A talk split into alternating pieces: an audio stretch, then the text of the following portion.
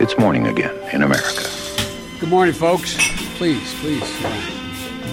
Come on, let's go. Let's go get some coffee. Thank you very much. Det er torsdag 16. april. Elizabeth Warren støtter Joe Biden. Donald Trump vil ha navnet sitt på sjekken som sendes til amerikanere, og målkaffen er servert. Onsdag ble det klart at også Elizabeth Warren, tidligere Joe Biden-utfordrer, vil erklære sin støtte til Biden som demokratenes presidentkandidat. I en video på Twitter, Paid for by Warren Democrats, som er Warrens organisasjon som skal arbeide både for å velge inn progressive kandidater på alle nivåer og gjenvelge Warren til senatet, så kom Warren med flere grunner til hvorfor hun støtter Biden. Joe Biden has spent nearly his entire life in public service. He knows that a government run with integrity, competence, and heart will save lives and save livelihoods. And we can't afford to let Donald Trump continue to endanger the lives and livelihoods of every American. And that's why I'm proud to endorse Joe Biden as President of the United States. When you disagree, he'll listen. And not just listen, but really hear you and treat you with respect, no matter where you're coming from. And he's shown throughout this campaign that when you come up with new facts or a good argument, he's not too afraid or too proud to be persuaded. Joe Biden was there at the very moment I became a senator.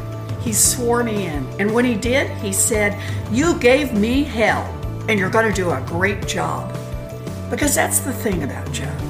He wants you in the fight. Alle USAs innbyggere skal de nærmeste dagene få penger på konto eller en sjekk i posten som en del av krisepakken som regjeringen implementerer for å avhjelpe de økonomiske konsekvensene av koronaviruset. Alle skatteetaten har kontonummer til, like over halvparten av dem som skal motta utbetalinger, får pengene på konto, og de fleste av disse har allerede mottatt disse.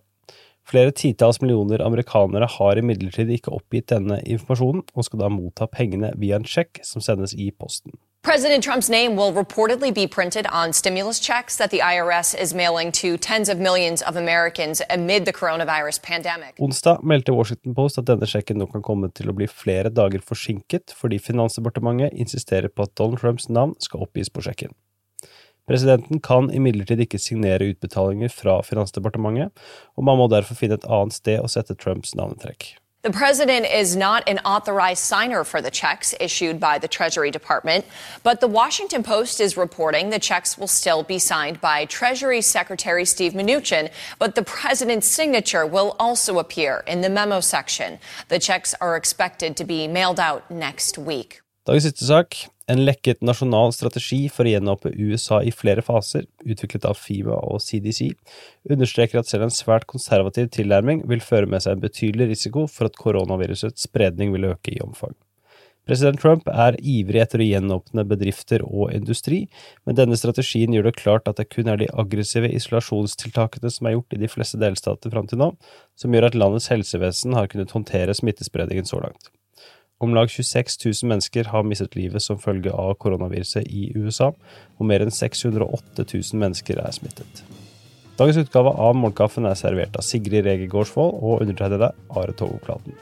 Du leser mer på amerikanskpolitikk.no, og dersom du ønsker ekstra tilgang, så tar du tur til patrion.com.